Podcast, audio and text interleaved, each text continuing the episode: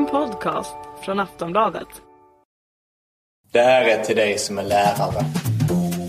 Du är lärare och det är skillnad. Så snacka gärna skit om mig och andra politiker. Och inte om varandra. Tack för ditt arbete. We don't need no education. Yeah.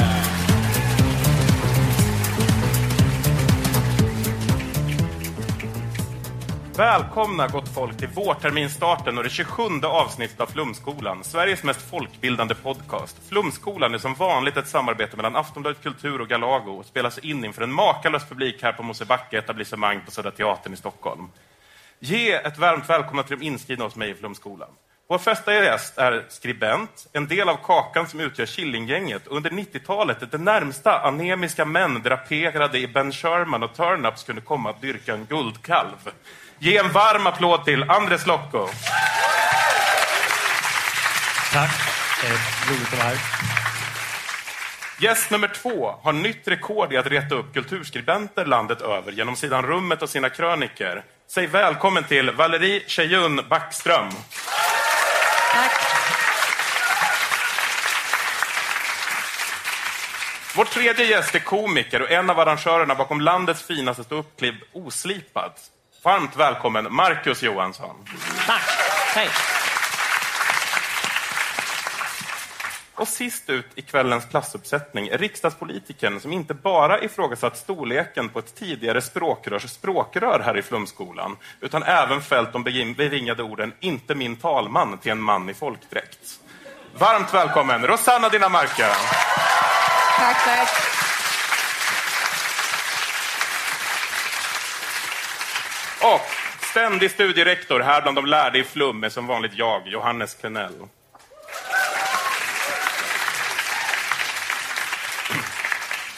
Innan vi kör igång ska jag bara säga att ni kan hitta Flumskolan på Facebook. Gå in på facebook.com flumskolan och gilla oss där om ni vill. Det är lätt att vara efterklok, säger de som vet. Och är det något vi får ge herrarna Jan Björklund och Lars Leijonborg är att de kanske inte kikar djupare i kristallkulan, att de mest gnäller på sin samtid. Men boken Skolstart från 2002 är boken där Firma Leijonborg Björklund tar bladet från munnen om den svenska skolan. Det är också boken där begreppet flumskolan äntligen ska få sin förklaring. Det här kan alltså vara boken som är själva anledningen till att den här podden finns. Och levererar den då? Ja, ungefär som Folkpartiet levererar höga opinionssiffror.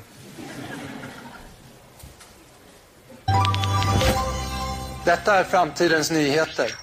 En ny rapport visar att svenska skolan är en av världens bästa.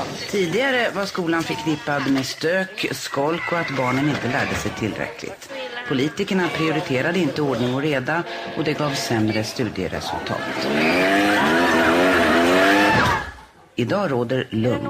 Skolk och bus har ersatts av studiero och lärande. Det vi gjorde var att vi gav lärarna större befogenheter att hålla ordning och vi införde betyg från sexan. Det har gett resultat. Och nu vädret. Ja, det har ju varit fint väder i några år nu och imorgon skiner solen igen. Som vanligt.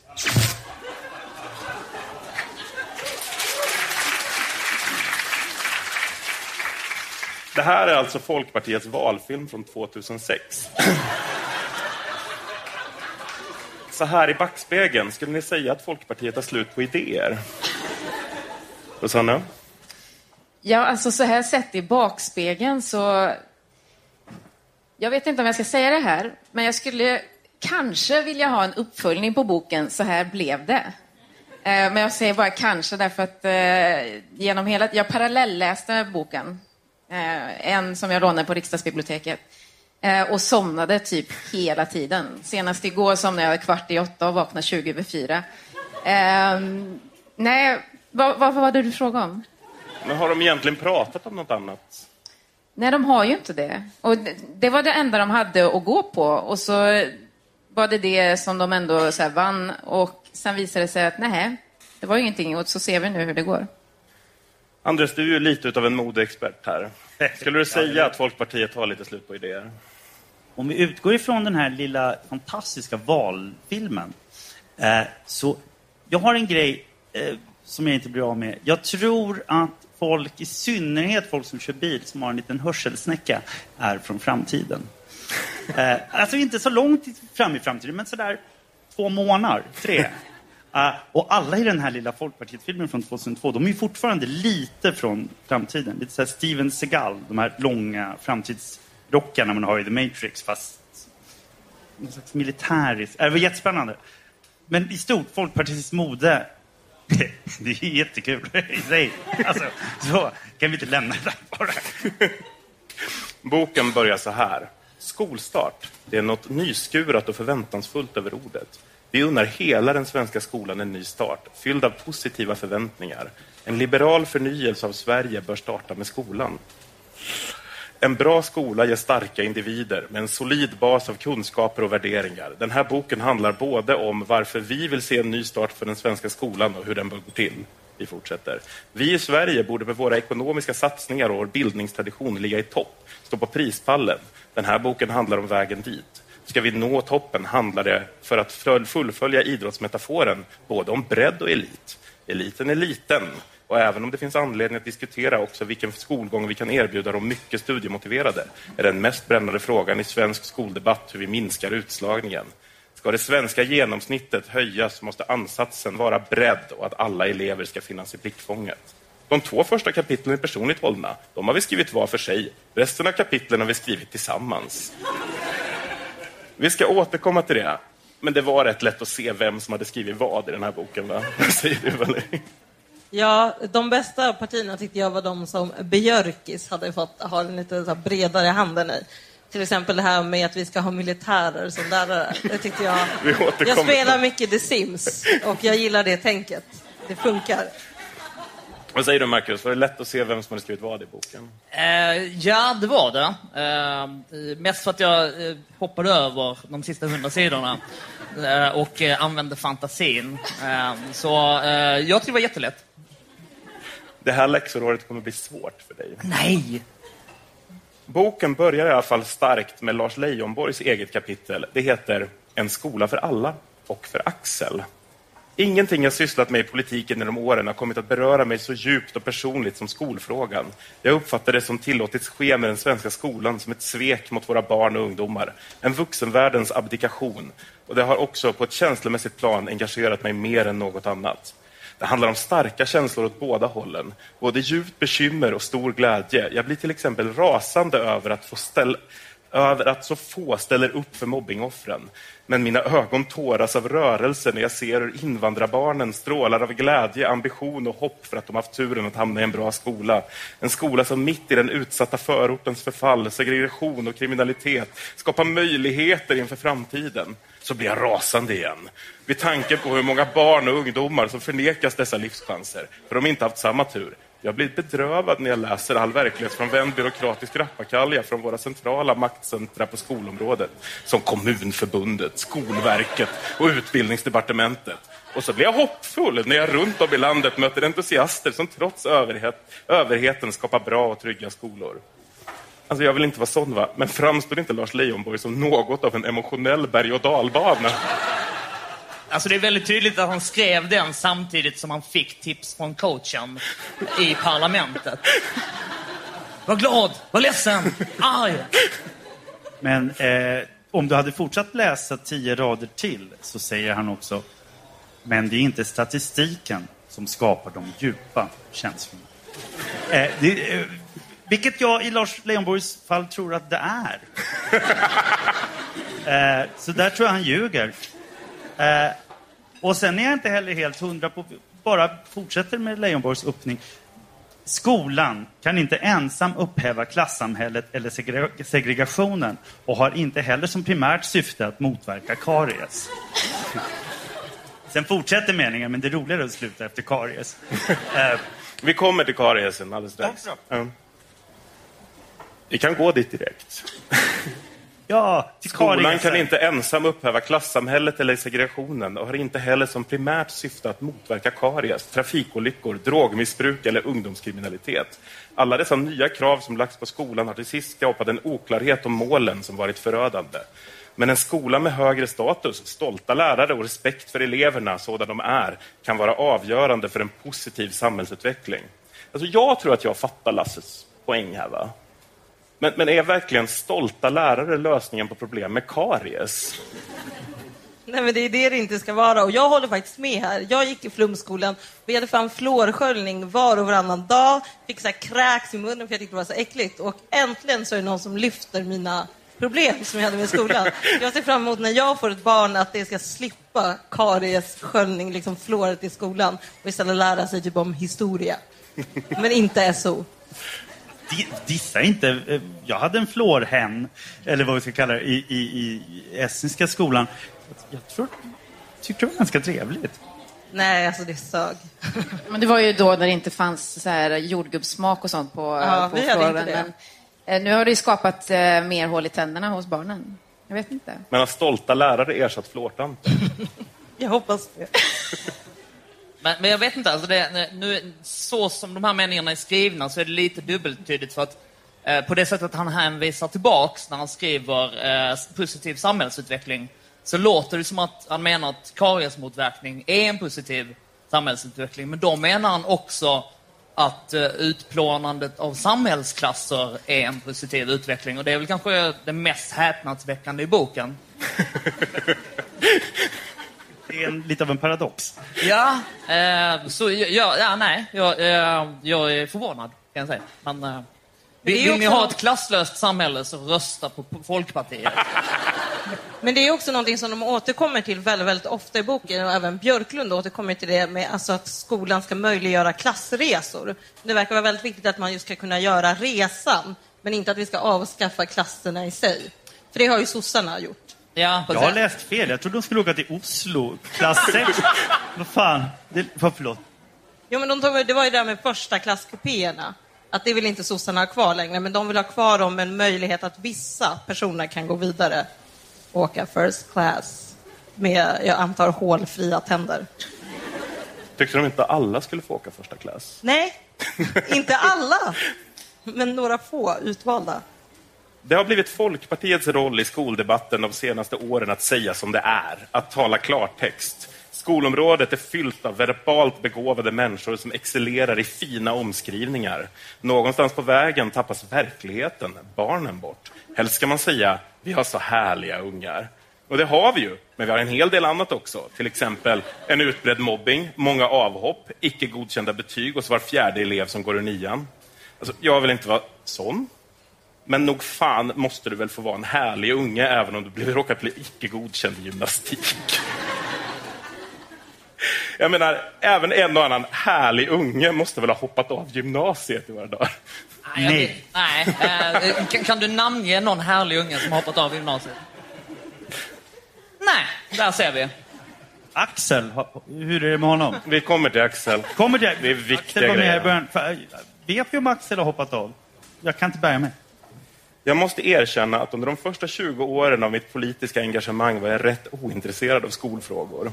Jag tyckte skolfrågorna verkade trista, men det var inte så lätt att få ihop utskottspusslet efter Westerberg-effekten, så jag hamnade där ändå, och det var så det började. Jag är inte så insatt, men innebär inte ofta en så kallad effekt att ett parti får fler röster och därigenom fler platser i riksdagen? Hur kunde det då vara så att Leijonborg förklarade att han hamnade i ett ointressant utskott med att det var så svårt att få ihop platserna efter det? Rosanna? Ja, alltså, jag har också försökt att klura på det där. Jag menar, Vänsterpartiet, vi, har, vi fick ju 5,7 procent nu. Vi fick eh, 21 ledamöter. Det innebär att om man har 17 utskott. Och där är det verkligen så att vi har fått tvinga folk till att liksom sitta i skatteutskottet och försvarsutskottet. Men om man har haft den här effekten och får väldigt många platser så borde man ju rimligen få det man önskar sig. Nej, det borde finnas hur mycket avskräde som så helst att Leijonborg har ju blivit lurad. Men är det inte så här, alltså, så som jag fattade så, han räknade inte ens med att komma in i riksdagen. Och när han ändå gjorde det så fick han ta en av de här jävla loserplatserna. Alltså, sådär som ingen ville ha. Så. Vi kommer ju återvända till det här, men kan det vara så att Leijonborg var så ointresserad av skolfrågor att han varken var insatt i samhällskunskap eller enkel matematik och att Westerberg helt enkelt bara lurade honom? Sett till att Lars Leijonborg inte pratat om något annat än skolfrågor efter det här, tror ni han hade några frågor alls i sig innan? Kanske saker som rör Axel. Men det kommer vi till. För mig har debatten fått en särskild personlig dimension genom att min yngste son Axel ska börja skolan just i höst. Han har kanske 13 år i skolan framför sig. Hur kommer de åren te sig? Jag arbetar för en skola för alla, men lite speciellt en skola för Axel. Den här boken kom 2002. Det är 2015 nu. Det har alltså gått 13 år. Kan det vara så att Jan Björklund sattes på skolministerposten bara för att köla Axel Leijonborg genom skolan? Ja, det är helt uppenbart. Och om vi, alltså, när vi väl har läst igenom det här så är det någonting man vill ringa in så är det just, jag arbetar för en skola för alla, men lite speciellt för en skola för Axel, min son. Men, men Eh. kan det verkligen vara så att vi har haft det här bizarra skolsystemet som vi har haft ett tag nu bara för att Axel Leijonborg ska kunna gå på så här rockgymnasium på Fryshuset eller få en egen laptop från John Bauer? Jag tror att det är exakt därför den här boken har skrivits. Är det nu Axel eh, Leijonborg kommer komma in här? Jag sa att jag hade en bizarr hemlig gäst. Nej, jag tror inte han är här. Jag har försökt ta reda på lite mer information, men jag hittar ganska lite om Axel Leijonborg. Men det han har gjort med den svenska skolan är fan med oförlåtligt. Nu kommer vi till en väldigt intressant fråga. Vad menar vi egentligen med flummig skolpolitik? Vi kallar ibland, särskilt i debattens hetta, Socialdemokraternas alternativ i skolpolitiken för flum. Uttrycket kommer väl ursprungligen från haschdimmornas värld och knyter an till en mångårig kritik av flumpedagogik. Alltså, vart kommer haschdimmorna ifrån? Folkpartiet eller pedagogerna? Folkpartiet såklart. Men alltså, det är så här... Förstod ni begreppet flumskolan bättre efter den här redogörelsen? Men jag, kanske hade, jag gjorde inte det, men jag kanske hade gjort det ifall jag hade rökt hasch och sen läst den här boken. Jag hade nog gjort boken lite roligare. Kanske. Men så fortsätter de så här. Vi är naturligtvis medvetna om att uttrycket är prejor, pejorativt, nedsättande och att våra motståndare inte gillar det. Det är heller inte så exakt. Å andra sidan förmedlar det korta ordet en hel del information och känsla som jag menar har täckning. Nu är det ju liberaler som har skrivit det här, va? Men att du kallat något flumskolan och sen känner dig tvungen att understryka att du har täckning för det här, trots att du förstår att det kan upplevas som lite nedsättande. Alltså, är inte det lite väl mesigt? Jag menar, hur jävla gott måste det där goda samtalet bli egentligen? Jag menar, Har Lars Leijonborg Twitter? Vad skulle han klara av det? Ja, men det, det, det är lite som att säga så här, jag upplever att jag har täckning att kalla kolan flummig och är medveten om att det är pejorativt för oklart vem. Men jag hoppas att du är beredd att dö för min rätt att uttrycka det. Om du är samma oklara person som upplever ordet flum som nedsättande skulle av oklart skäl vara beredd att döda, alternativt om Jan Björklund får en våldsam haschpsykos. Citat Voltaire. Är det här vi har hamnat? Liksom? Jag förstår inte vem det är som skulle bli så upprörd över att någon säger så här. Jag tror att langarna kommer bli skit. Jag skulle bli sur om jag langade och de fick det till det här dåliga. Men hur arga blev ni, Rosanna? Hur arga blev ni när de kom och drog det med sin flumskola? Kände du då att det här är kraftigt nedsättande? Man kände väl mer så här... Och det, det var väl bara inledningen på hela resten av tiden man fick utstå Jan Björklund och, och Lars Leijonborg att eh, de hade lite tunt på fötterna. Argumenten var inte så starka, om man säger så. Åh, nu är du elak. Här försöker Lars Leijonborg sätta en god samtalston efter att han har använt ett så hårt begrepp som flumskolan och så kommer du och säger att de inte har så gott på fötterna. Fy fan, typiskt vänstern och komma med sån hatretorik alltså. Jag är beredd att lämna den här panelen nu faktiskt. Jag kan lämna Hashtag det först. fina hatet. Herr talman, fortsätt.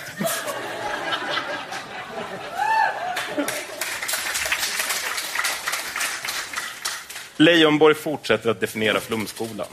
I början av dokumentet, han har läst något dokument, jag orkade inte bry mig, um, finns ett avsnitt som heter begrepp.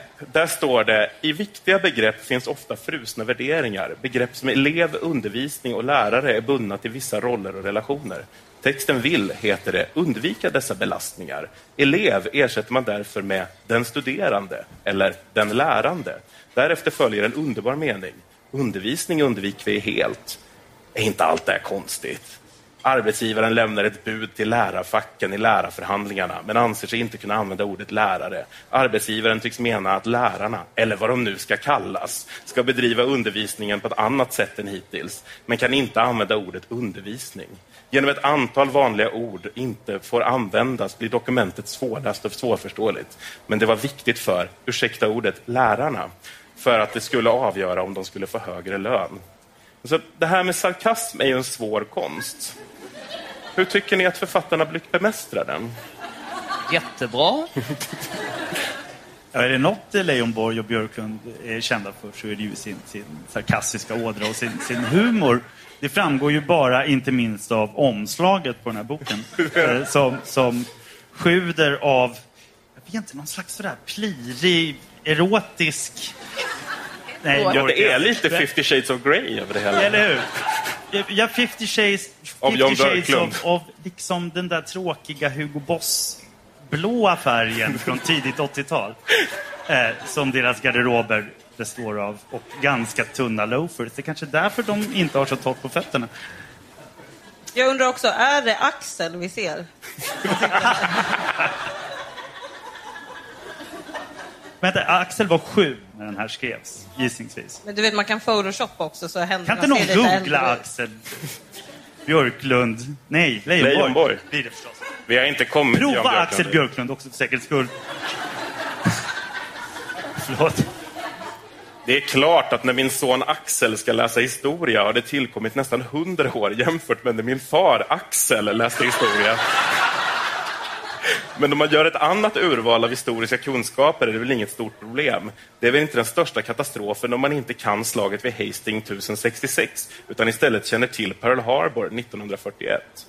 Okej, jag erkänner, det var bara roligt att få läsa att han hade både en pappa och en son som hette Axel. Um, jag vet inte om det är viktigt och jag vet inte ens om det är den andra Axel som skolan är till för. Han som är jättegammal och kanske inte finns med oss. Men jag undrar också, heter farfars farn Lars? Ja, men det, det är väl självklart. Det är ett namn som går i någon slags patriarkal omlott. Och vad heter då familjen. kvinnorna i familjen? Aina. Allihop. Ja, ja. Jag vill bara inflika att jag, eh, jag håller med eh, Lars Leijonborg om att det är väldigt viktigt att kunna slaget vid Hastings eh, eh 1066. För det är ungefär hälften av alla portkoder i, i Sverige. 1066. Så om, alltså, om man inte kan den kunskapen så, så har man liksom, eh, ja, vad blir det, 50 sämre chans att gissa sig till en portkod. Så även om du inte klarat gymnasiet ska du fan med klara det? Eller vad? Ja, ja, varför inte? Då blir man annars inbrottstjuv. Det är också viktigt att vi talar klartext om generationernas roller i skolan och jag älskar det här. William Golding fick Nobelpriset för sin roman Flugornas herre. Dess budskap var att ett samhälle där barn inte får stöd från vuxna inte klarar av att upprätta demokratiska normer. Den yngsta generationen behöver den äldre, liksom den äldre behöver den yngre. Vi tar nästa valfilm. Hastigheten, det är lika med sträckan genom tiden. Det kommer ni alla ihåg, eller hur? Bra, då ska vi göra ett räkneexempel. Alltså han är helt dum i huvudet. Titta här. Men gud.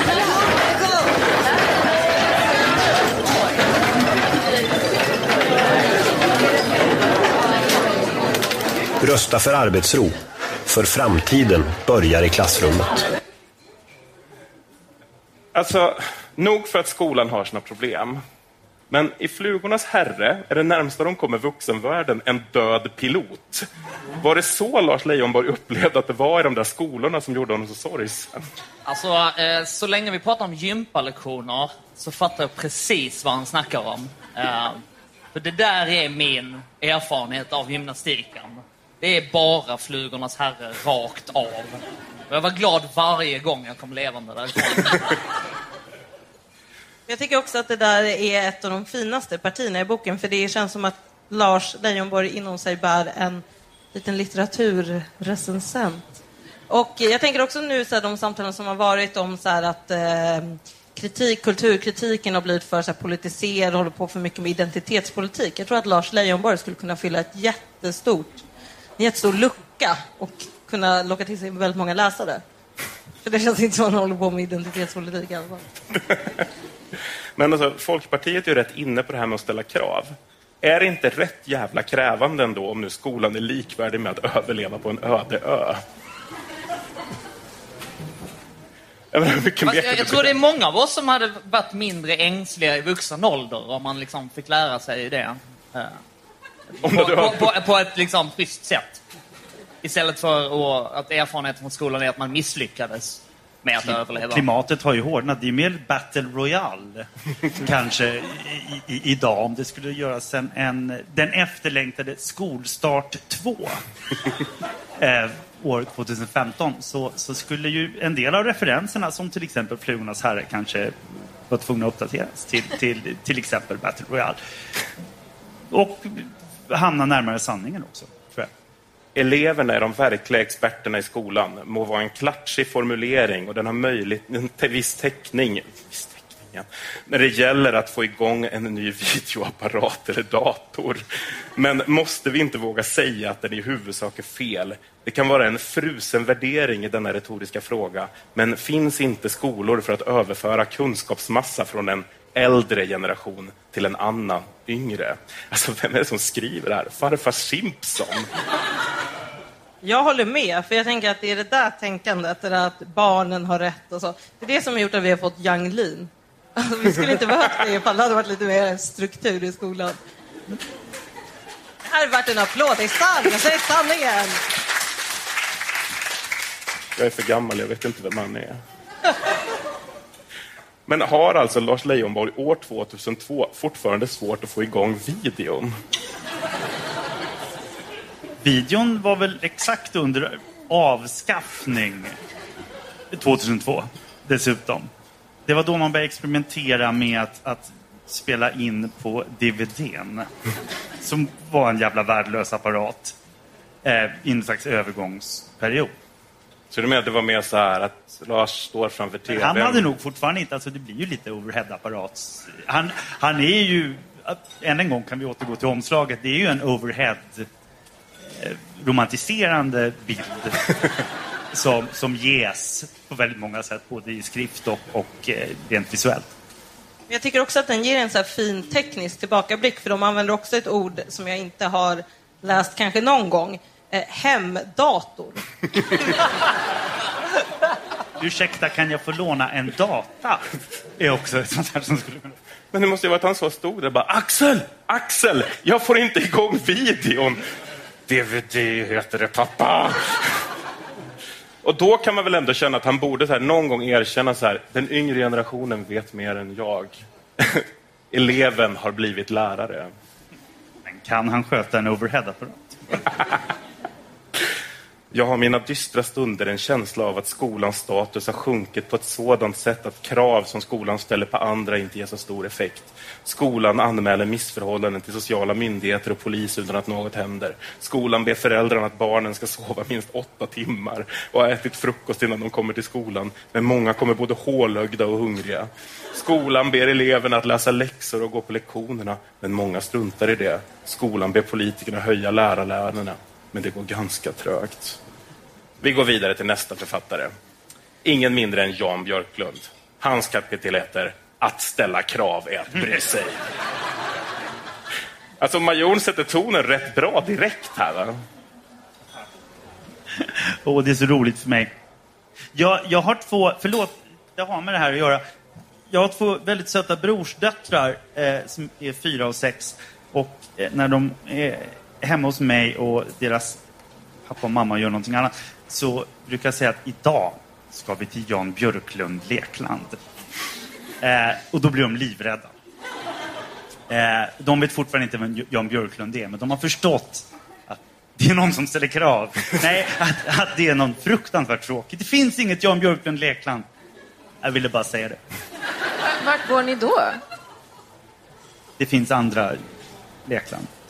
Så. Eller går du till en militärförläggning? Karlbergs slott. Jättetrevligt. Men, men håll med om att det känns poetiskt. Det här att ställa krav är att bry sig. Det är väl till och med smått erotiskt. Alltså, visst hade det kunnat vara ett kapitel i 50 shades of Grey. Att ställa krav är att bry sig. Det är ett kapitel i 50 shades of Grey. Första stycket i Majorns kapitel heter Brytningen kom med 68. Vänstervågen för 30 år sedan påverkade de flesta politiska områden, men få av dem kom att influeras så djupt så länge som just skolpolitiken. Tidigare hade Socialdemokraterna sett höga kunskapskrav som ett sätt att uppnå jämlikhet. Arbetarklassens barn skulle ha lika höga bildningsideal och kunskapskrav i sina skolor som borgarklassens barn hade haft i sina. Klassresan skulle uppmuntras. Det skulle finnas tydliga incitament för förkovran oavsett barnens sociala bakgrund. Men med vänstervågens genomslag ändrades perspektivet helt. Det var tiden för Maos kulturrevolution. Och i mer extrema vänsterkretsar idealiserades kroppsarbetet medan intellektuella insatser sågs som en del av klassamhällets förtryck. Från att ha uppmuntrat klassresenärerna kom man nu att se dem som klassförrädare. Säga vad man vill om Janne Björklund, men han fegar inte direkt på kommunistkortet. Jan Björklund, det kommer från mannen som vill införa euron i Sverige. Det är som att kliva på Titanic när man ser isberget vid horisonten. Alltså, du ska lära oss någonting om ekonomi. Ja, Du, Jan Björklund, jag tror i alla fall inte att vi ska pröva ett kommunistiskt samhällssystem. Problemet med eh, Gudrun Schyman är ju inte att hon är feminist. Problemet är att hon är socialist. Och det finns två problem med rysk gas. Det ena är att det är gas och det andra är att det är ryskt. Och det är så otroligt kontroversiellt bland politiker och i synnerhet bland vänsterpolitiker att försvara löneskillnader. Och det, utan rättvisa för socialister det är alltid att alla ska tjäna precis lika mycket, då är det rättvist. Det är dags att inse att det har hänt en del, Jan Björklund. Mm, kommunism- Och inte minst har det... Har, Kommunismen är det bästa som har fallit. Ja, men det var ju ett jätterelevant argument. 80-talet Det finns en viss typ av argumentation som brukar användas mot oss när meningsmotståndaren har fått slut på sina argument. Jag trodde det var Jan Björklund som skulle vara snabbast på det området, men det var statsministern. Rosanna, är det så här för dig varje dag? Det var. Nu är han ju inte minister längre och jag sitter inte i utbildningsutskottet längre. Ehm, Men, men det är ju det här jag säger. De har ju inte så mycket på fötterna. Alltså, argument... Argumenten är ju oerhört tunna och det tar väldigt, väldigt snabbt slut. Eh, Och då kommer det här, antingen att det är flum eller att det är kommunismens fel. Men det är spännande för senare i boken så skriver ju Björkis att han vill påbörja en egen, eller att Folkpartiet ska påbörja en kulturrevolution i Sverige. Vilket jag inte vill fatta och det var genom att använde sig av nationella prov. för det var förhatligt för flumskolans pedagoger. De gillar prov överhuvudtaget, folkpartisterna.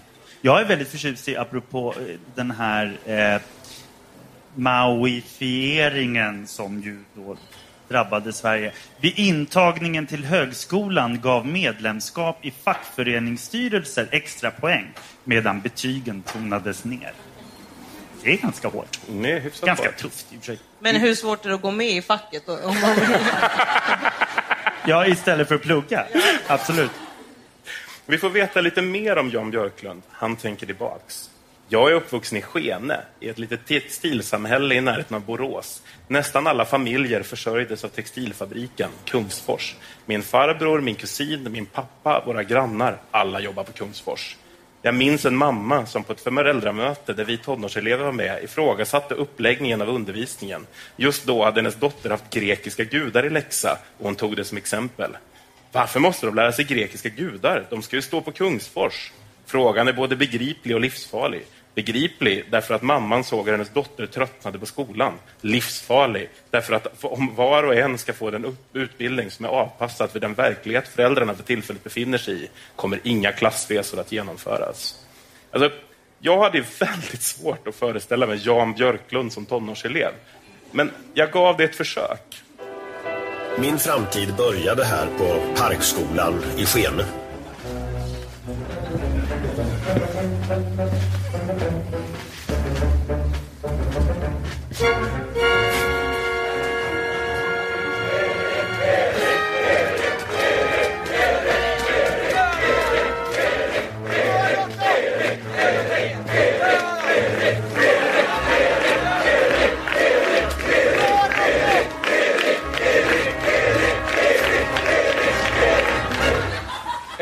Veckan har råttan beslutat sig för att anta utmaningen.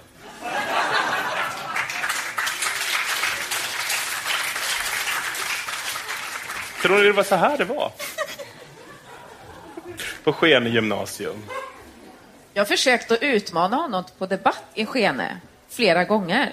Han har aldrig kunnat. Jag tror han är rädd för att vara tillbaka i Skene. Jag vet inte riktigt vad det är han är rädd för. Du, om han har varit med om det där, då förstår jag att han är rädd. Ett annat minne. Nu tänker jag tillbaka lite närmare i tiden. Solen sken ett par mil utanför Sankt Petersburg när ett hundratal lärare från Stockholm gjorde studiebesök. Det var i maj 2001 och jag minns inte om det var 40 eller 50 000 gravar i den lilla skogsdungen. Det fanns inga gravstenar. Hade det inte varit för de små svartvita porträttfoton, numera gulnade, som hade knutits upp i träden, hade ingen kunnat skilja denna skogsdunge från en annan. Visst känner jag till en, del om, till en hel del om Stalinterrorn, Ändå blev det ordentligt gripbart först när man går där. Jag minns att jag kände ungefär likadant som när jag besökte krematoriet i Buchenwald. Varför har vi inte lärt oss detta förut? frågade en yngre historielärare mig. Jag tog initiativet till att ungefär 200 lärare i historia och samhällskunskap i Stockholms gymnasier och högstadier skulle få gå igenom ett fortbildningspaket om folkutrotningen i Sovjetunionen. Svaret är tyvärr att hela det svenska samhället resonerar som mamman i Skene. Skolan har setts som en utbildningsfabrik för att tillgodose arbetsmarknadens och näringslivets behov. Här har höger och vänster enats i politiken. Nyttoperspektivet har tagit över bildningsperspektivet. Alltså, eller så kan det väl ha varit så att Jan Björklund råkade prata med en helt usel historielärare. Jag misstänker att det är någon som har gått på Waldorf. Jag gick där ett år och det enda vi fick lära oss var just om grekiska och nordiska mytologin. Det tjatade vi på, eller liksom höll på med hur länge som helst. Tänker jag, om det är någon som har liksom läst vidare där, lärt, läst till Waldorflärare, kanske den har de där kunskapsluckorna. Fast det som jag tycker är intressant i det här kapitlet, då, eh, eller i det här stycket, är att eh, han betonar så kraftigt att skolan inte ska vara en maskin som skapar eh, arbetskraft. Alltså, eh, här så kommer man ut lite grann som den sortens liberal som kan sjunga med i staten och kapitalet. Och det tycker jag är väldigt vackert. Att han väldigt, väldigt noggrant betonar att man ska plugga för sin egen kunskaps skull och inte för att man ska vara nyttig i samhällskroppen. Så jag, jag tror helt enkelt att, att han, han måste älska alla de här unga tjejerna som pluggar genusvetenskap. jag, jag, tror att liksom han, han tycker att det är drömmen som går i uppfyllelse nu. Men alltså, menar Jan Björklund att svenska samhället resonerade som den här då kvinnan i Skene, som i stil med varför måste de lära sig historia? De ska ju bli historielärare. Jag får inte det här att gå ihop överhuvudtaget. Vad fan är det han säger? Den riktigt radikala omsvängningen i synen på historieundervisningen kom med 1960-talets vänstervåg. Beslutsfattarna vågade sig dock inte på att helt avskaffa historieämnet utan valde istället att slå samman historia, samhällskunskap, geografi och religionskunskap till ett samhällsorienterande ämnesblock. Syftet var att utplana de enskilda ämnenas särart och den outtalade avsikten har hela tiden varit att fokusera på dagens samhällsförhållanden till nackdel för det historiska perspektivet. Alltså, han fortsätter. Men de underskattar det faktum att vår gemensamma allmänbildning i form av årtal, regentlängder, huvudstäder, stadsdelar och inälvor blir det nätens struktur på vilket annan information ska hängas upp. Vi gör oss därigenom beredda för ett fortsatt livslångt lärande. Skolans huvuduppgift är att för, och förblir och skapa, att skapa nätet, strukturen, att kunna sin historia och är dessutom både roligt och stimulerande. Ämnet ger oss en kulturell identitet som fungerar som ett kitt i vårt sociala samhällsgemenskap. Den heliga Birgitta, vallonbruken, freden i Brömsebro, Vasaskeppets undergång, tåget över Balt, sammanbrottet vid Poltava, Linnés katalogisering, utvandringen till Amerika och unionsupplösningen är exempel på företeelser som skapar samhörighet. Och även om vi inte alltid kommer ihåg årtal eller detaljer. Vad fan är det? Är han på släktfest med Björn Söder? Eller?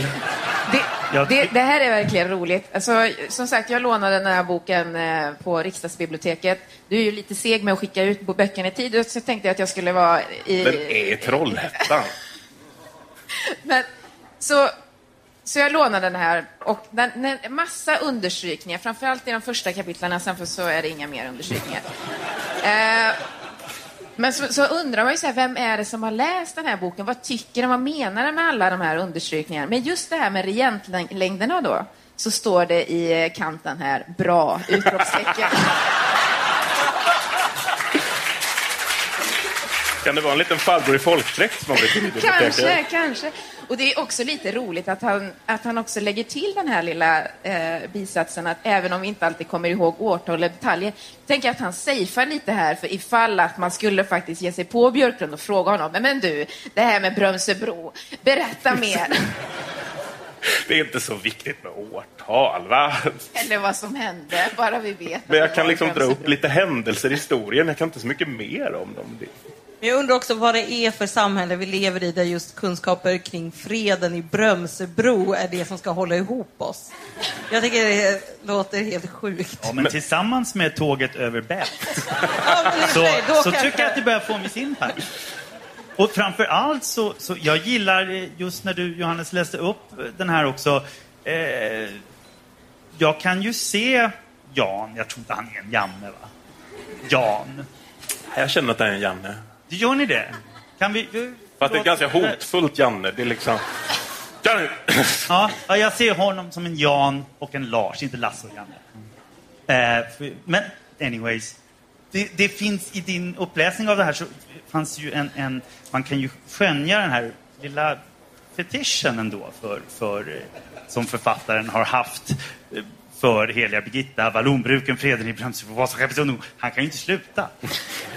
Alltså det finns en enorm sån svettiga tinningar lätt upphetsning sträcker sig efter lotionflaska i, i, i just det här stycket som, som är ganska speciellt.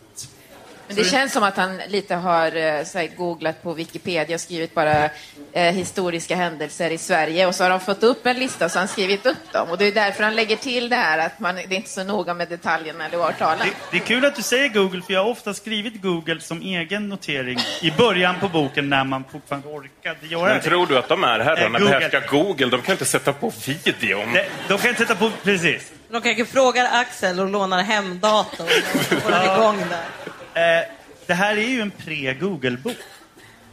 Faktiskt. Eh, och det är det som kanske gör den... Eh, Så de har suttit med kartoteket. Den tidens Google. Ja. Nej, men de måste använda Alta Vista. Och dagens ungdomar fattar inte vilket helvete vi hade. Han fortsätter. Om jag fick bestämma stoffurvalet skulle jag prioritera att i ämnet historia lära våra ungdomar varför EU en gång skapades som ett motvärn mot diktatur och krig, framför att i samhällskunskap lära dem den, den, den, den just nu aktuella maktfördelningen mellan EU-institutionerna. Men jag har en känsla av att prioriteringen på de flesta skolor är den motsatta. Alltså, nu vill jag verkligen inte vara sån. Men jag är ett stort fan av ämnet historia, en av mina få femmor i grundskolan. Men nog fan är det väl bättre att förstå EU ur ett samhällsvetenskapligt perspektiv än att få en kraftigt förenklad historieförklaring om EUs bakgrund som du typ kan läsa på en skylt. Men i så fall skulle ju folk fatta att EU var skit. Nej, men jag tycker det här är så obegripligt. Vad har han emot samhällsvetenskap? Det återkommer flera gånger. Ja, det, det är ju en sån fråga som jag faktiskt har ställt till honom väldigt, väldigt många gånger. Eh, för att eh, han vurmar ju som sagt väldigt mycket för historia här och eh, det utökade han ju för eh, gymnasieeleverna. Och det var bra. Jag tyckte också att det var väldigt viktigt att alla skulle ha historia. Men då för yrkeseleverna så skär han ju bort hälften utav eh, samhällskunskapen. Det är också så här, vad är det han har emot att folk faktiskt ska kunna veta någonting om samhället? Det är faktiskt helt obegripligt. Vi går över till stycket som heter Ingen skulle väl förslå, föreslå patientstyrda sjukhus. Skulle ett sjukhus kunna styras av patienterna? Indirekt, ja. Det är patienternas behov och upplevelse av sina åkommor som avgör sjukhusets insatser. Ändå skulle ingen komma på tanken att patienterna skulle veta bättre än läkarna om botemedel eller recept. Om man ska köpa in den ena maskinen eller satsa på läkemedel. Eller om en patient ska opereras eller inte. Expertisen finns hos läkarna. ingen skulle komma på tanken att föreslå prioriteringar genom ett, sjukhus, hur, att prioritering genom ett sjukhus skulle avgöras genom omröstningar med en man, en röst, där alla anställda och patienterna äger varsin röst. Är ett sjukhus därför odemokratiskt? Ja, vad säger ni? Är det det? Ja, det är totalitär jävla institution. Vid, vidrig är det. Ja, för fan. Alltså, om jag vill ha bensodiazepiner ska jag väl för fan få det. Jag har haft den här diskussionen tusen gånger med min jävla vårdcentral, men de är så jävla snåla. Alltså. Jag tror att i det här läget så behöver vi ta in hjälp här av en aktör som mött Jan Björklund i debatten fler gånger än de flesta av oss för att bena ut det här. Bästa publik, jag ger er Det- Vi måste höra lite om skolan här. Favoritämne, Gustav? Svenska. Svenska. Varför det? Ja, bland annat skriver jag en skoltidning. Gör du det? Ja. Vad heter den? Elevnytt. Elevnytt förstås. Du har inte skjutit något djur? Det var länge sedan jag var ute. Men du har gjort det någon gång? Jag har varit ute på, eh, på jakt. Det satt långt inne det här. Men har du Skjutit ett djur? Ni har, var är kolbiten? Alla valarbetare och kolbiten. Dagens Bagdad Bob är ju den här kolbiten. Den körde Gustav i Aftonbladet, den körde Åsa i Aktuellt, den här körde Isabella Lövin i våras i de slutdebatterna. Den funkar väldigt bra. Jag ska presentera vår hemliga gäst idag. Jag ger er Miljöpartiets kolbit. Jag trodde aldrig det här skulle hända, att jag skulle sitta och hålla den. Jag tänker så här att, att vi kan behöva en liten hjälp i debatten här. Vi kommer därför ha en liten tävling resten av inspelningen. Den som flest gånger lyckas lyfta och krysta in kolbiten i sina argument fram till bokens slut vinner. Jag börjar. Skolan är som den här kolbiten. Om man bara utsätter den för nog hård press så blir den till en diamant.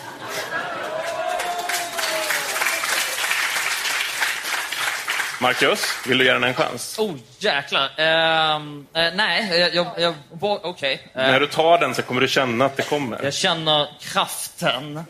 Det är lite som en dödsrelik i Harry Exakt, Potter. jag känner mig som Harry Harry Potter nu. Eh, och jag känner att kraften kommer till mig. Skolan är som den här kolbiten.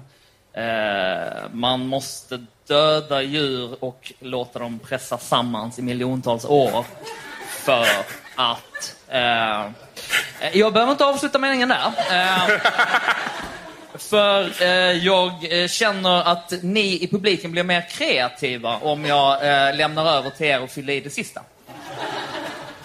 Jag är en jävligt bra pedagog, ni märker det va? Men varför är det så politiskt korrekt att tala om elevstyrda skolor? Varför blir man kritiserad av skoletablissemanget när man hävdar att lärarnas profession i skolan på samma sätt som läkarnas på ett sjukhus? Ännu en gång tror jag att vi får söka svaret i studentrevolutionen 1968. Alltså, kommunismen igen alltså. Kan en förklaring till Jan Björklunds ganska ensidiga förklaringsmodeller ha något att göra med att han prioriterat att plugga historia före samhällskunskapen på SO? Vad säger du Valerie? Alltså jag, jag tycker här, det är här boken börjar hetta till. Jag har gjort anteckningar här. Eh, mina, mina intryck är att det här börjar bli liksom min kamp. Det här är Björklunds kamp. Och eh, mot sossarna, kommunismen, Eh, men även mot Centern. Han har en väldigt fin liten bit i boken, om ni kommer läsa den, där han shadar Centern för någonting de en gång gjorde. De typ röstade med Göran Persson eller någonting och förstörde hela skolan. Men det är också så att det blir liksom lite som Flashback. För att han, de använder liksom ord som intellektuellt förräderi, tycker jag är väldigt härligt. Skoletablissemanget. Eh, Jag hoppas att de fortsätter på det att det här kan bli liksom att Jan Björklund kommer ut med Min kamp, skolan. Jag kommer köpa den. Är, är det så hemska ord på Flashback? Skoletablissemanget? Jag, jag har inte läst Aftonbladet de senaste dagarna, men eh, det är det de får fram i, om man läser eh, Flashback. Jag vet inte, jag ska, när jag kommer hem så ska jag ta och plocka fram min hemdator och börja alta-vista loss vad som händer. Jag tycker att Björklund är ju, alltså, han är ju en rebell. Det är ju helt uppenbart. En slags att tidig högerrebell. från tidigt 00-tal. Du får allt att låta så sexigt. Alltså jag måste bara säga det. Det är, Eh, det, är, det är min roll som modeexpert. här. Eh, nej, men nå, nå, nå, någonstans så, så vill... Alltså, vi- det här med, med, med den högervåg vi har sett de sista åren där, där liksom relativt normala unga människor plötsligt tycker att det är okej att befinna sig ganska långt ute på högerkanten, vilket eh, är jävligt obegripligt. Eh, han sätter ju grunden till det här liksom, med, med sin sexiga kamp. Att plötsligt så kan en liberal vara mot grejer. Skoletablissemanget. Det är uppenbart att det handlar om, om flumpedagoger från förr. Så han Ja. är super, en supermodern erotisk Ja, men jag, tänkte här. på det när du säger, jag tänker på det när du säger det så här att, att jag har ju läst Jimmy Åkessons självbiografi tidigare. Och, och, och det är ju rätt uppenbart att det är en kille som prioriterar historia för samhällsvetenskap. Du skulle säga före samlag. Förlåt. Låt mig därför slå fast en, för en i Sverige kontroversiell tes. Lärarna kan mer än eleverna. Det är därför skolan finns. Hela tanken på att eleverna ska bestämma i skolan bygger på idén att eleverna själva vet bättre än lärarna vad de vill lära sig. Men frågan är ju hur man ska kunna veta om man vill lära sig något om man inte vet om att den kunskapen finns. Eller ännu mindre vet om att det är den kunskapen man behöver i framtiden. Alltså, frågar du Lars Leijonborg så slutar ju elevdemokrati i att eleverna börjar dyrka ett vildsvinshuvud och jaga varandra som sport. Men hur jävla kontroversiell är den här tesen Jan Björklund driver egentligen? Så nu är den inte så kontroversiell, men då har vi också haft Lars Le- eller eh, Jan Björklund som utbildningsminister i sju år. Så att, men alltså för, för eh, sju, åtta år sedan så var det oerhört kontroversiellt, kan jag berätta för er historielösa ungdomar.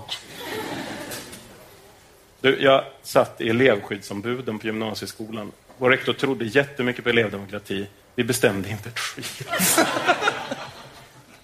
Vi kunde flytta på ett askfat. Men skulle ni säga att det här är Jan Björklunds mest överraskande uttalande i den här boken? Att lärarna vet mer än eleverna? Sticker ju ut hakan, det måste man ju säga. Nu kommer vi till delen att ställa krav är att bry sig. De riktigt progressiva pedagogerna, till exempel Bengt-Erik Andersson, brukar hävda att eleverna bör få syssla med det de tycker är roligt, för då lär de sig mer. Andra formulerar sig som så att eleverna ska få forma ut skolundervisningen utifrån sina egna referensramar. Man ska utgå från det eleven redan kan. Ett riktigt innebegrepp är lust att lära. I den bästa av världar innebär det att, att det är roligt att kunna. I den sämsta betyder begreppet att man bara ska lära sig det man för tillfället känner lust för. För mig är dessa tankar livsfarliga. Alltså, läser inte Jan Björklund in helt galet mycket i begreppet lust att lära? Jag tycker ändå det är fint att han vågar shada Rousseau också. Jag har väntat på den shaden nu i ett par hundra år. Fint att den kom. Alltså, som man känner sig själv, känner man andra. Och jag skulle nog säga att om alla fick göra eh, som de ville så skulle alla bara spela tv-spel och onanera hela dagarna. Eh, och en sån skola ska vi väl ändå inte ha, va? Så jag, jag ställer mig nog på Jan Björklunds sida här faktiskt. Men skulle ni beskriva Björklund som lite av en glaset är halvtomt kille? Lite. Inte min Björklund. Hans glas är halvfullt. Äh, jag vet... Mm. Det, det... Jävlar vad han är från förr. Alltså, det är ju... Han, han är liksom från Djursholm... Skene i och för sig, men... Det är som är Djursholm. Nej, men han är så väldigt från länge sedan med, med eh, att han nästan... Han skäms för att det ska vara jobbigt i skolan. Och hade den här boken varit skriven, let's face it, 20 år tidigare av samma herrar, så hade det ju handlat, hamnat eh, om, om liksom, får vi, när ska vi slå eleverna på fingrarna med linjaler, dumstrut, eh, risgryn i, i skamvrån? Eller hur det nu funkade med svensk skoldisciplin. Jag har ingen aning. Men, men några av de där, den här kunskapsfetischismen som finns där, historiekunskaperna, ohyggligt viktiga de är. De lyser igenom lite så, just där vi var nu. Lite småläskigt, som du säger, lust att lära. Det låter proggigt. Det måste vi sluta med. Utan läxförhör i tyska hade jag väl aldrig lärt mig några glosor. Både glosor och grammatik tillhörde det tråkiga. Visst insåg jag att jag lärde för livet, men för stunden var annat intressantare. Livet kom ju sedan. Jag presterade dock en fyra i högstadietyskan. Det är jag glad för idag. Om jag varje dag istället gjort det som var roligt för stunden, då hade jag väl aldrig lärt mig någon tyska. Alltså, Alltså det, det, det som känns riktigt jävla sorgligt för mig här är att när jag gick på högstadiet så resonerade jag som Jan Björklund. Och inte fan lärde jag mig tyska för det. Jag vill ha tillbaks de timmarna av mitt liv, säger jag bara. Men vad är det som med. gör Jan Björklund så jävla stolt över sin fyra i högstadietyska? Alltså, jag fick streck i tyska och jag tror att jag kan lika mycket tyska som Björklund. Jag valde ord och bild istället. Det här är jättepinsamt. Jag hade streck i tyska också. Eh, Det här kapitlet, eller inte kapitlet, det här stycket om hans tyska betyg eh, och hur han kämpade med, med glosorna i tyska. Det är det tråkigaste jag någonsin har läst. Alltså, det är så erbarmligt trist. Eh, och det här, är ju, det här har, det här har... Nej, jag slutade någonstans här. Men det, någon har gett ut det här. Vi måste påminna, om oss, påminna oss om det ibland. Någon har gett ut den Men det är fortfarande roligt än, roligare än Ulf Lundell. Alltså, det måste jag säga. Alltså, det är fortfarande bättre än en roman av Ulf Lundell. Alltså, det, är, det vill jag gärna påpeka. Alltså, Jag säger inte att det är dåligt, jag säger att någon har gett ut det här och det är obegripligt. ja, fast jag säger att ju Ulf Lundell är dålig som författare, men det är... Ja. Och Jan Björklund är en bra författare. Bättre, säger jag bara. Att allting är relativt. Ja. Det, det, här, det här är roligare läsning i alla fall. Men man undrar ju om det inte är så faktiskt som, som du sa tidigare Johannes att ehm, han har haft en eh, ondskan eh, skolupplevelse därför att eh, han vill verkligen ge igen. Det är det det handlar om. Fast det, på är- det är hela som- skolan? Ja, på hela skolan. Inte en jävel ska ha fått det bättre än han. Glosor. Ni ska plugga glosor. Tyska glosor. Hör du det, Axel? Jag, jag, jag, tror det ligger något i det faktiskt. Eh, Det, alltså när han eh, räknar upp Freden i Brömsebo och Heliga Birgitta och allt det där. Då, då är det ju för att han var tvungen att lära sig det en gång i tiden. Och man vill ju liksom, det man själv fick lära sig i ung ålder, man vill att det ska fortsätta vara aktuellt. Det är därför jag, som är eh, 39 år, fortfarande hävdar att P.J. Harvey och Nine Inch Nails är det som ungdomarna lyssnar på. Men en sak som jag tycker... egen, åne, um. Ni kan inte ha haft streck i tyst.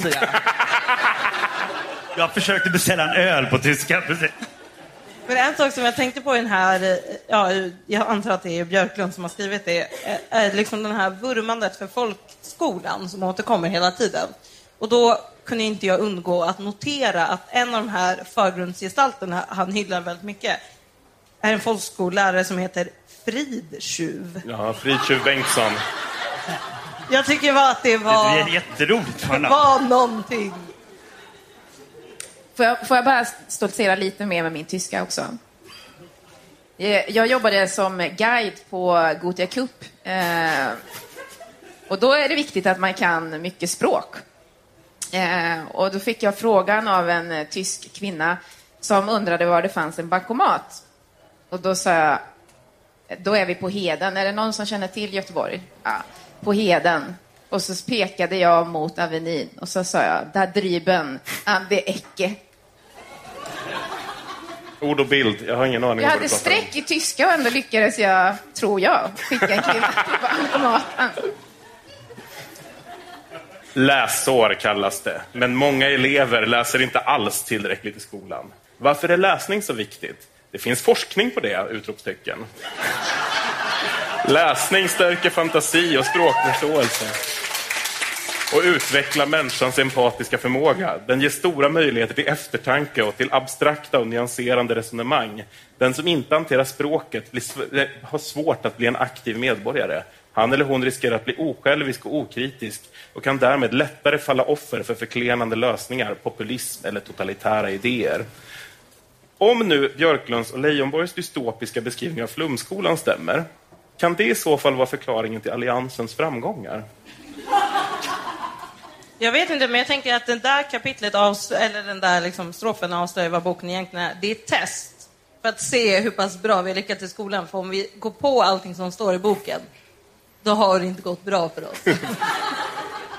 om vi okritiskt sväljer det, då har vi inte fått det vi behöver av utbildningsväsendet.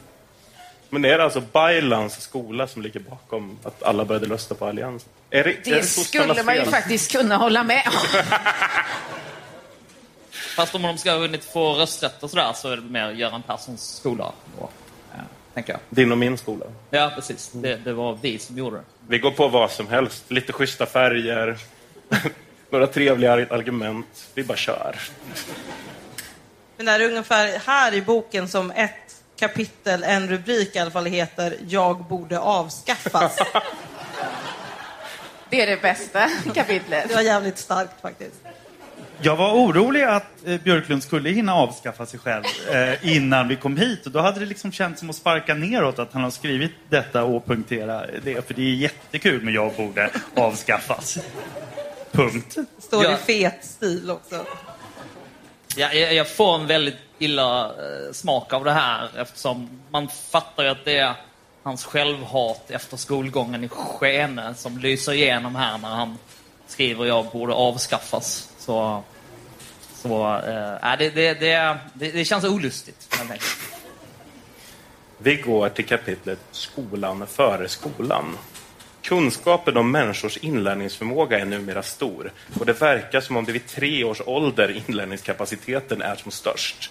Det innebär att det också är i ett utbildningsperspektiv är viktigt vilka möjligheter barn som inte nått upp till skolåldern fått lära. Fått att lära. När förskolan nu har ett större pedagogiskt ansvar än tidigare är det viktigt att behörig personal ska ha pedagogiskt ansvar inom förskolan, som att behöriga grundskollärare ska undervisa inom grundskolan. Men tyvärr har inte regeringen tagit till sig vikten av behöriga lärare även i förskolan.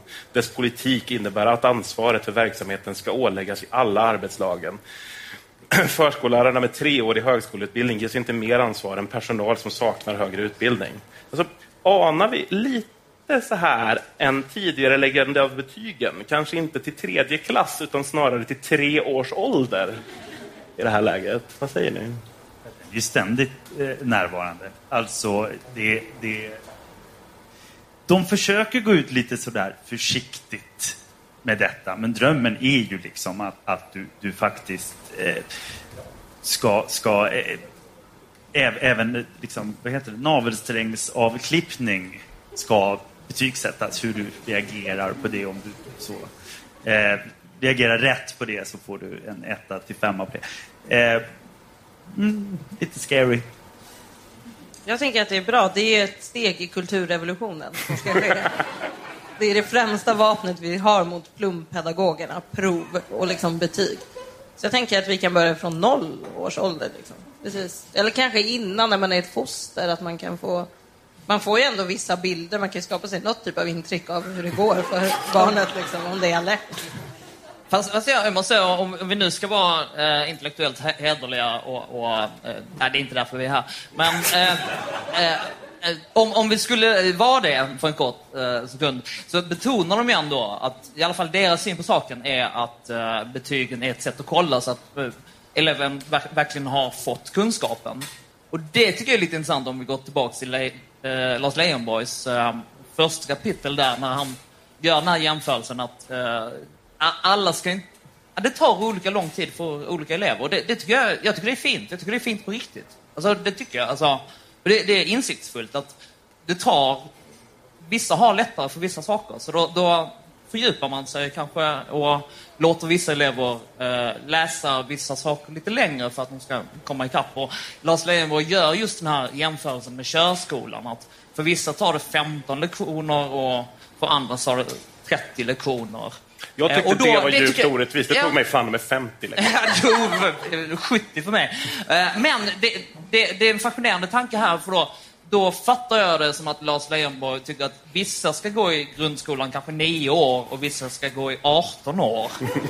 Eh, och vi, liksom, vi ger oss inte förrän prins Carl Philip har lika bra svenskbetyg som eh, Jonas Hassan Khemeri. Det- Jag tycker det är så jävla vackert. Alltså, de är så otroligt goda humanister. Jag, jag blev helt kär i de här människorna och deras fantastiskt goda intentioner. Det, ja, vi måste stanna kvar vid detta med intentionerna, för det är faktiskt... Eh, det finns någonting med detta hur... Eh, det finns en grundnorm i denna bok. Den skriver extremt mycket om, om eh, hur vi empatiskt ska ta hand om de som det går lite sämre för. De är ju viktigast. Vi måste ta hand om dem. De måste få komma upp till samma nivå. Och samma nivå som vem? Jo, 15 procent. Jag har glömt var det här står. Men liksom, det finns 15 procent som är de totala A-barnen. De absolut, de bästa. Eh, och de utgör, när man läser det här ganska noggrant, de utgör normen. Dessa 15 procent. Och de andra 85 är ett problem. För de är inte lika bra. Men de måste vi se till att hjälpa också. Och då blir det hela den här, wait a minute, 15 procent. Eh, så det är de andra cirka 85 procenten. Det, det är de som, de är sämre. Det måste göra riktigt ont i Lars, eh, Jan Björklunds eh, hjärta och Lars Leijonborgs hjärta när de kollar på Idol och så många åker ut. Men Jag undrar, är de där 15 procenten, är det de som är de härliga ungarna? Det är, det, är de, det är de härliga ungarna som har normala betyg, normala föräldrar, normala förhållanden och, och är liksom ändå måttstocken. Så. Det kanske kan bli Aftonbladets nya kampanj. Vi är de 85 procenten. Vi går vidare till kapitlet Rekrytering av akademiker till läraryrket. Det här är inte alls vad ni tror. Från yrkesgrupper som har akademisk utbildning eller har andra uppgifter som ligger nära lärarens bör en aktiv nyrekrytering ske till läraryrket av personer som redan, de skriver så jävla omständigt, personer som redan har skaffat sig yrkeserfarenhet. En genomsnittlig yrkesofficer har fyra års utbildning på militära högskolor där pedagogik och ledarskap är två huvudämnen. De flesta leder dagligen såväl lektioner som mer praktiska övningar. Det är ganska uppenbart att personer med den kompetensen bör kunna göra stora insatser i skolan. Även om de kan behöva skaffa sig ytterligare ämneskunskaper i ämnen de inte studerat så mycket förut. Alltså, är verkligen lösningen på skolkrisen att få in fler militärer i skolan? Men det här är ju bara, det här är ju bara för att han ska, ska kunna safea med vad han ska göra när han nu inte är skolminister längre. Han vill ju bli lärare. Och då måste han ju så här säga hur ypperligt det är, den erfarenhet han har. Och Är det då han återvänder till Skene? Eller vad det är? Så jävla roligt att. Jan, ro, roligt att Jan Björklund har samma plan B som alla kulturarbetare. Skillnaden är att han vill bli lärare i vapenvård. och det vill många kulturarbetare också. jag. Men jag tänker så här, man har ju satt ihop kulturministern och demokratiministern. Skulle en rimlig lösning här vara att sätta ihop skolminister och ÖB på en gång? Ja, absolut. 100 procent ja. Ehm, Men han skriver vidare, en plan för varje lärares ämnesfördjupning och pedagogiska fortbildning måste göras upp på skolan. Resurser måste avsättas för att alla lärare ska ha möjlighet att följa nyheter och debatt inom sitt undervisningsfält. Gymnasieskolans yrkeslärare behöver regelbundet komma ut i arbetslivet och få adekvat yrkespraktik. Annars riskerar eleverna att få kunskaper som bara hör gårdagens yrkesliv till. Bör vi alltså skicka ut våra lärare slash militärer i krig med jämna mellanrum? Mot kommunismen, ja.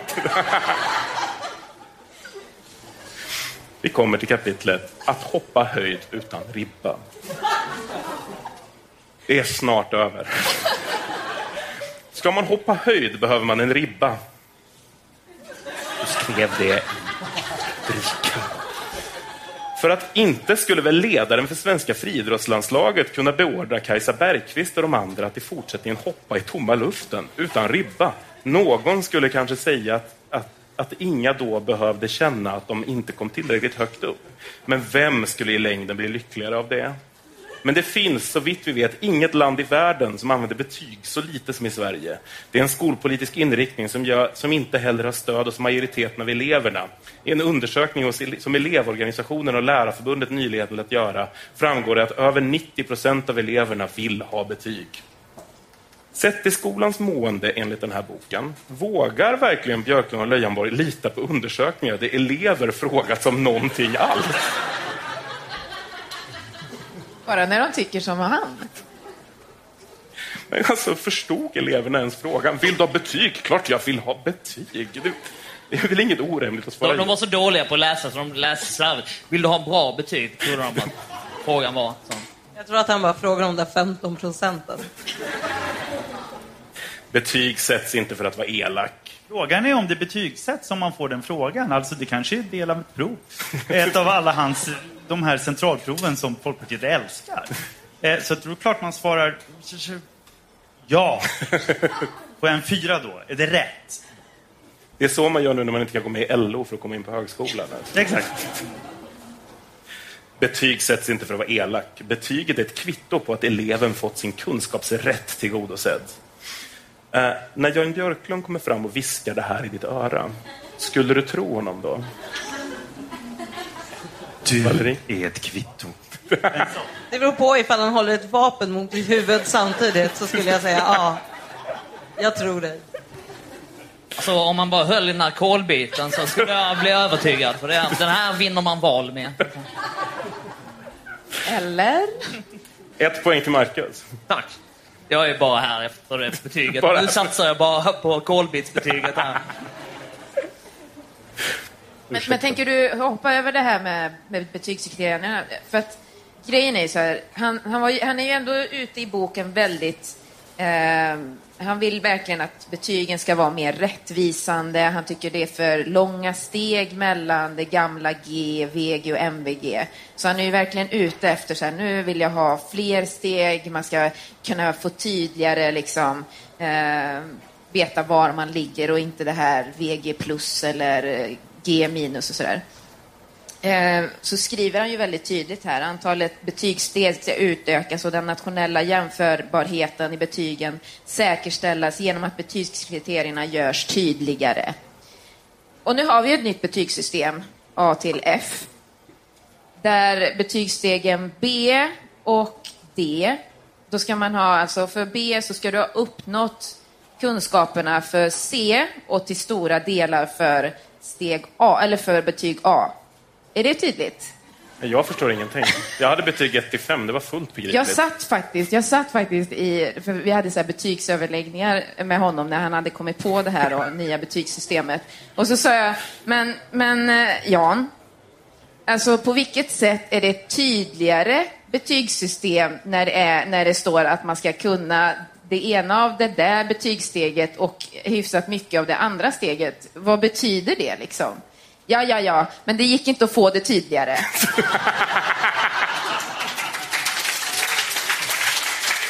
Fast det, det där genomgår, genomsyrar också hela det här praktverket.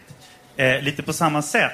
Eh, det ska vara komplicerat. Min teori är att eh, Björklund och Leijonborg eh, har fått lite som Dickens eh, per ord. När de har skrivit detta. I och med att de första 24 sidorna är ganska relevanta. Eh, förhållandevis. Och sen är det liksom 141 sidor till. Eh, och lite grann som med, med det nya betygssystemet. Om vi komplicerar det så blir det mer bokstäver och då får vi lite mer betalt. Det som kallas för att ordbajsa i skolan. Alltså. Ja, eller på mitt jobb. Ja. Friskolor har haft framgångar i Sverige de senaste åren. Trots försök från främst socialdemokratiska politiker att sätta käppar i hjulen har elevtrycket varit stort, så stort att antalet friskolor växt kontinuerligt. Många föräldrar och elever har sökt alternativ. Detta lämnar inte Skolverket och den socialdemokratiska regeringen någon ro.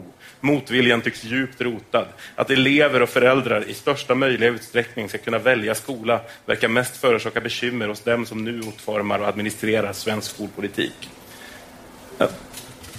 Jag måste bara backa lite i tiden här och säga att jag vill inte vara sån. Men nog fan släppte Ibbe Baylan loss friskolorna helt åt helvete långt innan Alliansen gjorde det. Det här blir ju liksom lite som så här om Godzilla skulle säga till Space Godzilla vad dålig du är på att riva hus i Tokyo. Och, Eh, jag förstår din poäng, men eh, om du hade gått i Jan Björklunds skola så hade du haft en eh, Verner von Heidenstam-referens istället. Och då hade jag fattat lite bättre vad du menade. Super-Werner von Heidenstam. är det, blir det hans nemesis då? Ett intressant faktum är att flera friskolor lyckas locka många sökande till utbildningar som den kommunala skolan är mindre eftertraktade. Det är därför inte speciellt förvånande att många nyexaminerade lärare söker sig till friskolor. De upplevs ofta som moderna arbetsgivare. Nu ska jag tala lite fritt. På mitt jobb så har vi en friskola för barn med särskilda behov. På bilden av skolan på friskolans hemsida ser vi ungar som leker i ett grönområde. Egentligen sitter de innanför vårt garage. Deras håltimmar spenderas alltså inne i ett garage på Söder som de delar med Bonn Art Gallery, ett IT-företag och Galago. Alltså, modernt med lätt Berlin-vibe, absolut. Men hur jävla bra kan det här vara? Alltså måste jag bra med tillgång på serietidningar, tänker jag. Om de är i samma byggnad som dig. Och det, det gillar man väl på håltimmen? Sitta och läsa lite eh, feministisk analys av samhället, så tror jag. Det, Men finns det någon Heidenstam? nej, det, nej, det, nej, det är dåligt. Men det spelar väl ingen roll, man ska ju ha lust att lära. Man gör det för njutningens skull, inte för att man måste bli något. Ja, alltså, herregud, vad fan. Det är väl klart. Alla här inne använder väl håltimmarna till att plugga? Gör Vänta nu, Björklund avskyr lust att lära. Var det inte så? Ja, tack. Vi kommer till det sista kapitlet som av någon jävla anledning heter På mobbingoffrens sida. Det är lätt att se hur skolor hamnar i nedåtgående spiraler. Oordning, sjunkande resultat, duktiga lärare slutar, ledningen börjar ge upp, ännu mer oordning, ännu sämre resultat, ännu fler lärare slutar, ledningen tappar greppet ytterligare och så vidare. Att bryta en sådan spiral är inte lätt, men det är nödvändigt. Såväl lärare som skolledare som politiker måste ge tydliga signaler om att skolan inte är ett öppet hus där man kan komma och gå som man vill. Närvarokravet måste hävdas också i en frivillig skolreform som gymnasieskolan där en del av eleverna nått myndighetsåldern. Alltså, den där militärhögskoleidén börjar kännas rätt aktuell nu. Exakt, speciellt ifall svenska mobbingoffer börjar ta efter det finska exemplet och börjar med skolskjutningar. Då kan verkligen militärerna behövas i skolorna. Men det, de pratar ju också om hur de ska liksom få skolorna bättre. Att det ska vara bland annat att man gör fasaderna finare. För att många skolor nu har tråkiga fasader. Jag tänker att det är så här äkta. Det här är så professor Umbridge när hon kommer till eh, Hogwarts. Och visst, hon gör det jättefint, sätter dit så här kattbilder och gör det så här rosa och gulligt. Och sen blir det ju fett militariserat. Så jag tänker att det är kanske är någonting sånt som de... Och det ska också hjälpa mobbingoffer. Det är mycket mjuka djur som springer omkring i korridorerna och biter den. Eleverna byter namn till kadetter istället. Sista stycket i sista kapitlet heter Nej Skolverket, bristen på arbetsro beror inte på kunskapsinriktningen! Utropstecken. I sändning efter sändning i radion hördes en dag en hög chef på Skolverket säga att orsaken till problemen är att det blivit för mycket prov, kunskaper och betyg i skolan. Generaldirektören Mats Ekholm hade också sin analys klar. Problemet är att värdegrunden fått stå tillbaka för en ren ämnesundervisning där kunskaperna ska betygsättas. Det är ju helt upp och nervänt att otryggheten i skolan skulle bero på att det är för tydlig kunskapsinriktning. Det finns enligt vår uppfattning absolut ingenting som tyder på att ett sådant samband existerar. Vi tror på det motsatta sambandet är betydligt mer sannolikt. Det är bristen på tydlig kunskapsinriktning som ökat otryggheten. Jag ska erkänna en grej nu. Det är asbra om den där kunskapsinriktningen kan bota all mobbing.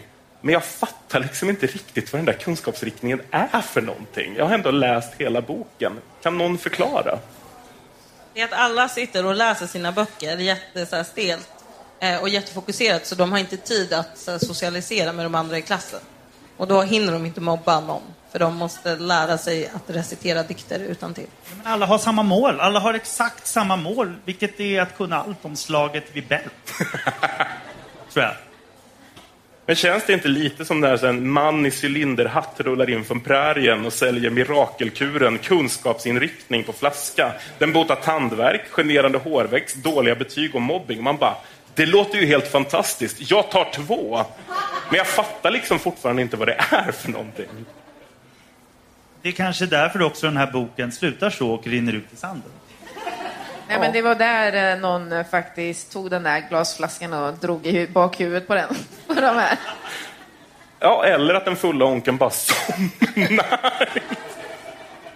Jag tänker att den slutar lite som så här, vissa uppsatser man kunde hitta på Mimers brunn. Då man bara hade så här, du ska skriva 5000 tecken och sen när man har gjort det så bara, nej, men nu stänger jag igen min hemdator. Nu är jag klar. Det är lite som med den här boken också, nu är det färdigt. De har en hel del mer och mer desperata utropstecken. Jag är för utropstecknet, eh, jag tycker det är kul. Men, eh, I rubriker är det däremot kanske. men eh, när det är långa meningar, när de verkligen börjar tröttna. Jag menar, den här boken är ju skriven kronologiskt, det är helt uppenbart. Att den börjar så här, med peppen för Axel. Och sen slutar den i absolut ingenting. Och lite så, som du sa med så här, mirakelmedicin. ju en sån här mirakelmedicin farbror från, från Skene, var det va? Mm. Eh, men det här, eh, just lång mening. Nej, Skolverket, bristen på arbetsro beror inte på kunskapsinriktningen. Utropstecken. Eh, det är sånt där man gör för att hålla sig vaken. Du liksom peppar dig själv med ett Kolla, jag skriker, jag är vaken. Jag höj, höj volymen, jag har inte somnat. Kan det inte vara så då att det här etablissemanget har tystat dem? Det tänker jag. Att det är någonting här. Men de slår underifrån. Ibbe Baylan har gått dit och stängt av hemdatorn. Jan Björklund, rebell. Jag vet inte om det framkommer kanske eh, nu när, när vi har gått igenom boken, men det, det, det finns ju ett genomgående hat till Skolverket i hela boken. Eh, Men Så är det, ändå, rebeller. ja, men ändå av någon anledning så väljer de att använda samma typsnitt som Skolverket. Och sen så var det ju också så här att det var ju Jan Björklund som tillsatte den nya Skolverkets eh, eh, GD Anna Ekström.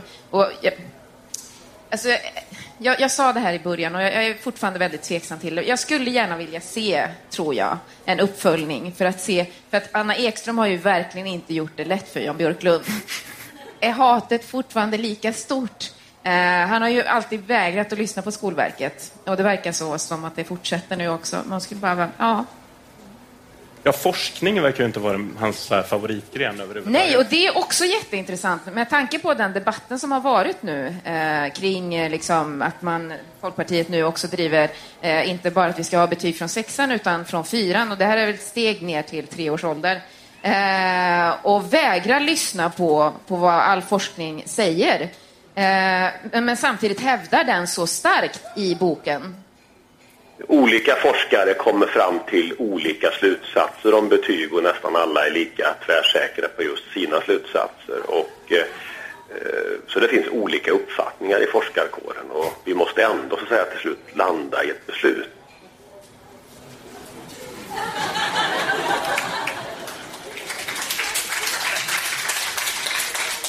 Nu vet du. Det där är djupt existentialistiskt faktiskt. Man märker att han har läst Sartre. Men kan det inte vara så att de har försökt skriva den här boken, de har försökt komma ut med sanningen till oss i befolkningen och de har blivit tystade av till exempel Skolverket, av kommunerna, av Socialdemokraterna, av några ur Centern. Och, att den, forskare. ja, och att den verkliga sanningen kring den här boken kommer vi endast kunna nå ifall vi öppnar våra hemdatorer och kanske går in på typ familjeliv. Där tror jag att vi kan hitta de riktiga svaren. Jag, jag tänkte, ska jag, kan jag försöka få in den här? Nu vet inte jag riktigt. Men eh, alltså, jag tänker att det här är liksom Björklund. Eh, och han är väl lika hård som den här kolbiten. Att det går liksom inte Det är många miljöpartister som är beredda att döda dig just nu. Men många kanske skulle beteckna Jan Björklund som en träskalle. Jag skulle kanske beteckna honom som en kolbit. Som ett kolhuvud.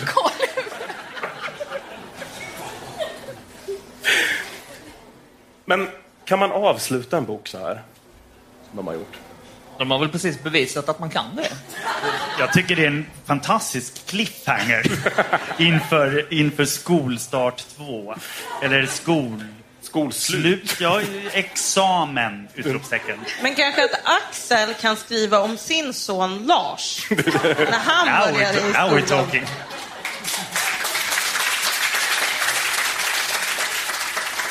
Om vi ska avsluta det här nu då. Vem ska läsa den här boken? Kolbiten. Marcus tar ledningen igen. Eh, den här boken är från 2002, eller hur?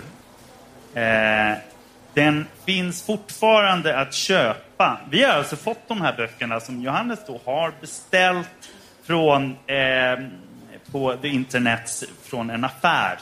Du kan säga Adlibris, detta det är lugnt. Eh, och Adlibris eh, har alltså fortfarande första upplagan inbunden eh, av en bok från eh, 2002. Och jag, jag måste säga att scenen som utspelade sig på Adlibris när det kommer fem beställningar ganska tätt in på varandra Ja, den här. Just den här, någon måste gå ner i lagret. Vad fan, här är den där jävla Björklund. Så, det, eh, den lilla filmen vill man se. Men, men det, jag blir glad för det finns något väldigt demokratiskt i det här. och man vet det här med att där man bränner böcker bränner man snart också människor. För uppenbarligen har de inte bränt en enda jävla bok. Det är obegripligt. Men på riksdagsbiblioteket var det faktiskt så att när jag skulle eh, gå dit och kolla om de hade den här boken så var det inte så att jag blev hänvisad till någon hylla utan hon var tvungen till att gå ner i något rum för att hämta den.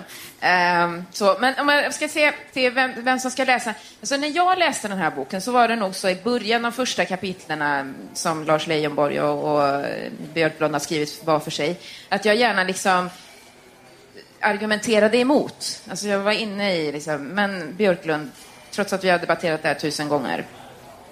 Och sen var det bara så här, bla, bla, du vet, man hör det här, bla, bla, bla. Och det var då jag alltid somnade. Var Jag har läst den här boken tre gånger. Jag mådde illa sista vändan. Det gjorde ont överallt, framförallt i ögonen. Vilka jag tycker ska läsa den här. Eh, Alla personer som har en fäbless för konspirationsteorier och kan hitta dem utan att ha fått så mycket kött på benen. Och kanske röker hasch. Då tror jag att man kan ha riktigt kul. Sista frågan nu då. Vad har ni lärt er av att läsa den här boken? Att mobbing är fel. Och det gör nog att när jag lyssnar på den här podden sen så kommer jag nog ångra en del saker som jag har sagt ikväll faktiskt. Andres? Eh, jag har lärt mig att Jan Björklund kommer från Skene. Eh, och... eh, nej, jag har tagit med mig någonting. Eh, och det, det är väl ett allmänt litet... En förståelse för varför jag inte tycker om Folkpartiet. Egentligen. Eh, som har stärkts av... Eh, och, och för en gångs skull på allvar över hur, hur det verkligen framstår eh, att eh, de fattade inte ens själva hur de sparkar neråt hela tiden. Eh, och det är det obehagligaste med boken. De här två paj, pajasarna ser inte det själva. Eh, och därför var det nästan eh, värt att läsa eh, den här begripligt trista pappersmassan. Eh, typ så. Sanna? Jag tror att den här boken, jag, jag kommer faktiskt be Jan Björklund signera den åt mig. Eh, för att jag tänker så här, när man sitter där på sin åldershöst, så eh, jag och Jan Björklund, jag började i utbildningsutskottet när han blev skolminister och slutade i utbildningsutskottet när han slutade som skolminister. Ehm, och jag tänker att då kan man sitta där och rekapitulera lite och eh, debattera med honom i tanken. Eh, Var det för att du inte kunde fortsätta utan honom? Det, det är faktiskt väldigt nära sanningen, Johannes. Det var jag kände så här efter valet nu och han fick sluta, så bara... Kommer det bli likadant med Gustav? Nej. Ja, och den där kolbiten det, det bidrog verkligen eh, till att jag verkligen inte ville möta Gustav. Nej, men jag kände så här, nej men det, det är jag och, och Jan. Eh, hur hårda vi än var mot varandra, så det var jag och han. Eh, och när det inte längre kunde vara så, så, så kände jag att nej, men nu får jag välja en annan väg helt enkelt. Eh, Det jag har lärt mig av den här boken, det är att sanningen måste fram i ljuset. Även om den har, är lika fördold som den här kolbiten en gång har varit. Det har jag lärt mig.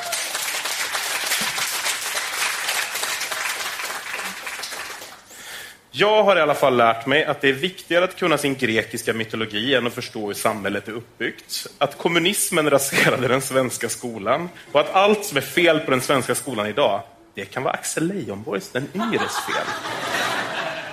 Med de orden vill jag tacka Vareshin Backström, Andres Lokko, Marcus Johansson och Rosanna Demarca. Och grattis till Marcus Johansson som använde kolbiten flest gånger.